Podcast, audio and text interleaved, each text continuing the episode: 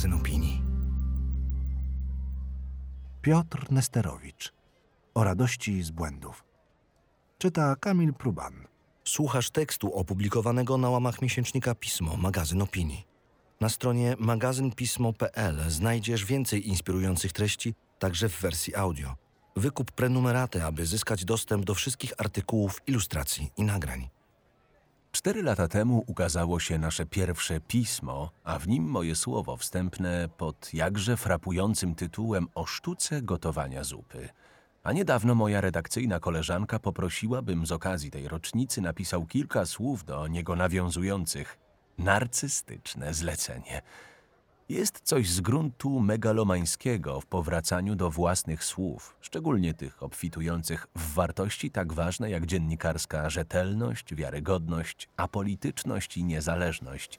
Szczególnie, że, choć na końcu owego tekstu zastrzegałem się, że to pierwsze i ostatnie słowo wstępne w piśmie, obietnicy nie dotrzymałem. Fartownie jednak znalazłem w nim kilka słów, które mnie i państwa ratują.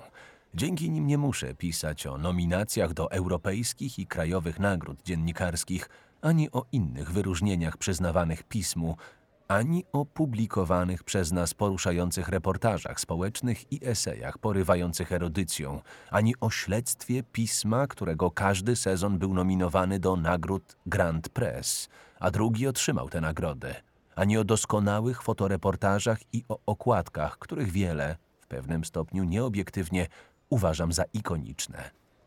Na szczęście ratuje nas apel, który cudownym zrządzeniem losu znalazł się w tamtym tekście. Byśmy my, tworzący pismo, zachowali dystans do samych siebie. Ocencie sami, czy można poważnie traktować projekt działający wprawdzie dla dobra publicznego i nie dla zysku, co jednak nie oznacza, że mogący obyć się bez funduszy na tworzenie i publikację treści, który najwyraźniej uznał się za bezcenny i numer sierpniowy z 2018 roku wydrukował bez ceny.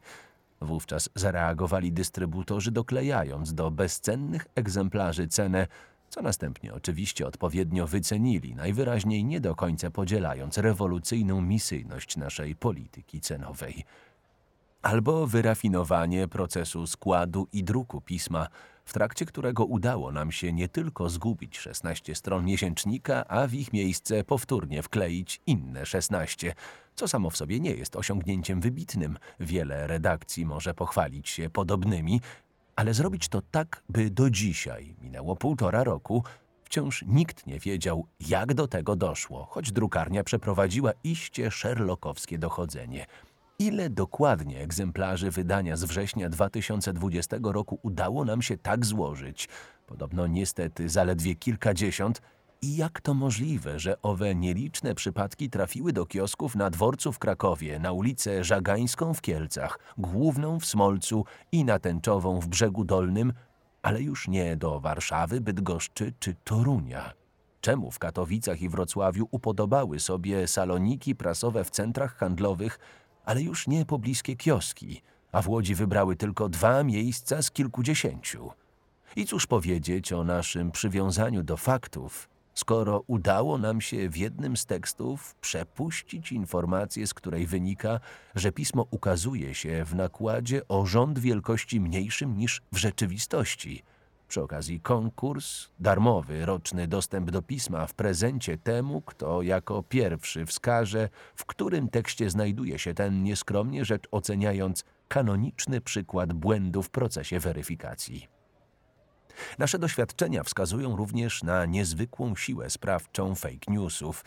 Na jednej z mapek zamieszczonych w piśmie udało nam się wymazać Nową Zelandię, a z Tasmanii uczyniliśmy niepodległe państwo. W ostatnich dniach miałem okazję na nowo spoglądać na misję, dla której realizacji powstało pismo. Pojawiają się tam takie słowa opisujące grupę tworzącą to przedsięwzięcie. Jesteśmy zespołem osób wierzących w uczciwe, wiarygodne, wysokiej jakości dziennikarstwo działające dla dobra publicznego. Pragniemy tworzyć wrażliwą społecznie treść, wnikliwą i rzetelną, nie ulegać zewnętrznym wpływom politycznym ani nie przekładać efektów finansowych ponad wyznawane zasady nie epatować sensacjami, nie schlebiać tanim gustom, nie angażować się w małostkowe spory. Niezależność redakcyjna jest dla nas krytyczna. Jak dobrze, że robiąc to wszystko udaje nam się śmiać z błędów, które popełniamy. Jak z tego, że pomimo czterech lat wysiłków Magdy Kicińskiej, redaktorki naczelnej pisma, wciąż mówię wziąć zamiast wziąć. A może odwrotnie? PS. Kupujcie lub przedłużajcie prenumeratę lub dostęp cyfrowy do pisma. W ten sposób wspieracie niezależne dziennikarstwo działające dla dobra wspólnego i dajecie nam szansę na popełnianie kolejnych błędów. Tekst ukazał się w 50. numerze miesięcznika Pismo, magazyn opinii, czytał Kamil Pruban.